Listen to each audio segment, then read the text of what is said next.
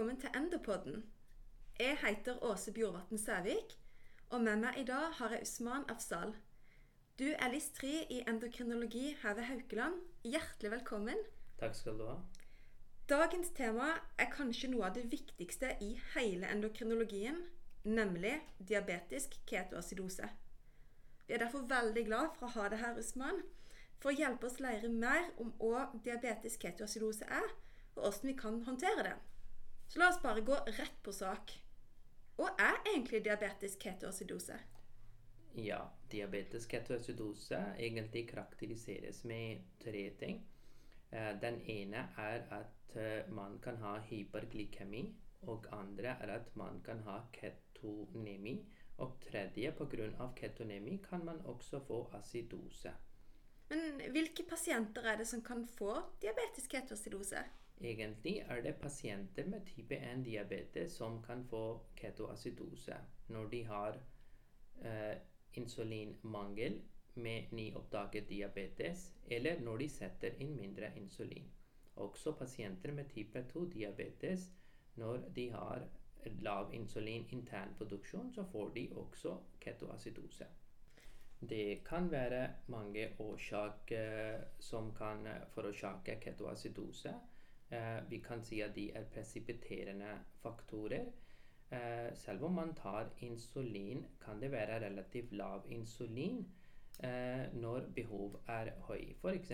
i infeksjøse tilstander. Når man har gått gjennom et stort kirurgisk inngrep, eller man har blitt satt på f.eks. medikamenter som kan påvirke karbohydratmetabolismen, f.eks. prednisolon. Eller om man f.eks. står på SGLT2-hemmere, og man har en akutt uh, pågående situasjon, og man uh, f.eks. er dehydrert og har ikke seponert SGLT2-hemmer, kan man da få også euglykemisk ketoacidose. Ja, så der kan man faktisk ha en normal glukose. Absolutt. Man kan ha helt normal uh, blodsukker, mens man har en full-fledged ketoacidose i den situasjonen også. Ja, Det er viktig å huske på. Men når skal man mistenke at en pasient har ketoacidose? Man kan ha forskjellige symptomer når man kan ha ketoacidose. Eh, man kan ha symptomer f.eks. fra magesmerter eh, til kvalme, nevrologiske symptomer, og det kan variere fra eh, forvirringstilstand til stuperøs til komatøs tilstand. Eh, man kan puste veldig fort. Ja, så det er slike symptomer man kan få med ketoacidose. Men er det egentlig så viktig å oppdage det? Det er veldig viktig, fordi eh, når man får f.eks. Eh, påvirkning til bevissthet, eh, så blir det veldig vanskelig for å gi beskjed, f.eks. hvis man blir liggende alene. Eh, og veldig viktig å oppdage i tidlig fasen, også før det begynner å eh, oppstå organsvikt. Mm. Eh, F.eks. man er veldig dehydrert hvis det er snakk om en alvorlig ketoacidose, som f.eks. kan påvirke nyrene i form av at man kan få prerinal nyresvikt. Ja, så veldig viktig. Ja. Vi har allerede vært litt innom hva som kjennetegner diabetisk ketoacidose sånn biokjemisk, men mm. Hva hører med i diagnostikken? Det er tre ting som er veldig viktig å få utført når man mistenker ketoacidose.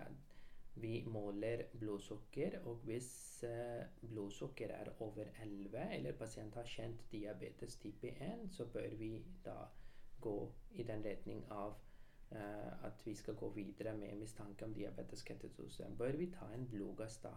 Det, det bør være andre trinn. Og hvis bikarbonat er under 18, eh, eh, kan, bør vi ta da også ketoner enten i serum eller i urin.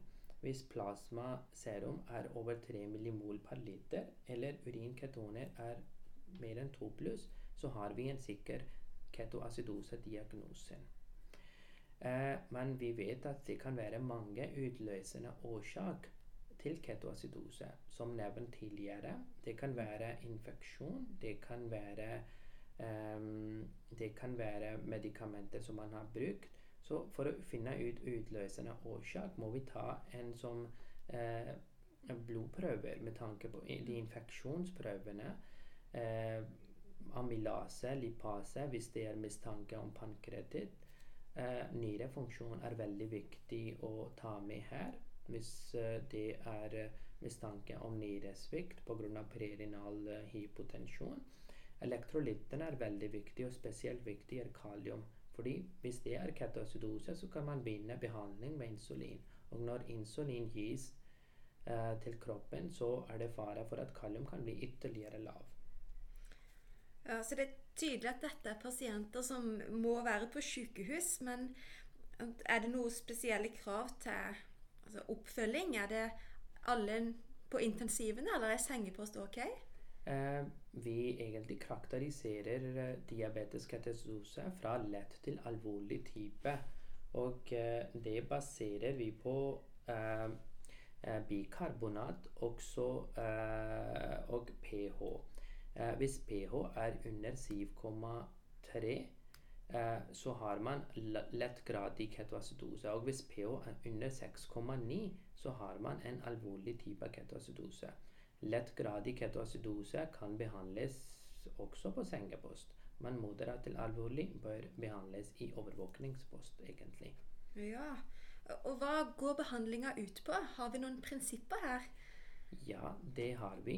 Vi skal gi uh, Det er tre ting som vi, det hele behandling uh, skal dreie seg om. Den ene er at vi skal gi væske, og det bør man ikke forsinke med.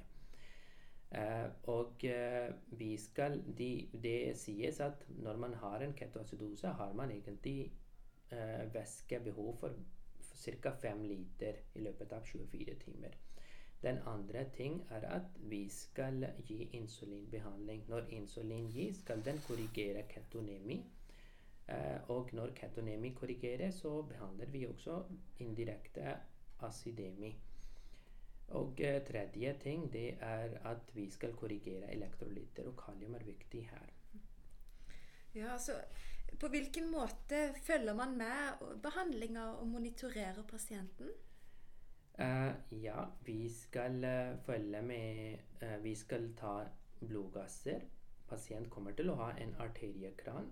Arteriekran legges inn i de pasientene som har moderat til alvorlig ketoacidose. Det blir lettere å ta blodgasser for å overvåke.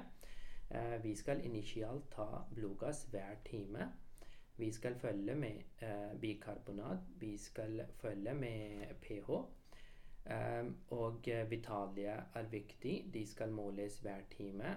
Og med større mellomrom etter hvert når situasjonen er mer stabil. Vi skal også se at uh, osmolalitet, effektiv osmolalitet i dette tilfellet I løpet av de første 15 timene så skal vi ikke senke mer enn 10 milliosmol. Og etter det 3 milliosmol per time. Hvis effektiv osmolalitet skal bli sunket mer enn 10 milliosmol Eh, i løpet av de første 15 eh, timene så kan man risikere hjerneødem, som er eh, ikke veldig ønskelig i den tilstanden og kan lett unngås. Ketoacidose kan være en ganske skremmende opplevelse for pasienten. Men er det noe man kan gjøre, enten pasienten sjøl eller som lege, for å redusere risikoen for framtidige ketoacidoser? Absolutt. Mm, den kan unngås. Hva som er viktig, er at for en pasient at og for oss at vi gir riktig nok opplysning til en pasient at hva slags symptomer man kan få med ketoacidose. Og hvis de har en kjent uh, type 1-diabetes mellitus, så bør, de, bør, det alltid gis informasjon uh, at, uh, at hva slags symptomer man kan få. Og hvis de mistenker disse symptomene, så kan de også måle sin egen ketoner fra blod med disse ketonstiksene, som kan kjøpes fra apotek f.eks. Um, og uh, veldig viktig for en lege som jobber i akuttmottak, at de oppdager diagnosen veldig som akutt, og disse pasientene bør prioriteres. Tusen, tusen takk, Isman, for veldig nyttig oppsummering. Tusen takk skal du ha. Og tusen takk til deg som hørte på. Husk å like oss på Facebook, Endopodden, og send oss gjerne ønsker om du har tips til ting vi skal ta opp i framtidige episoder. Vi høres!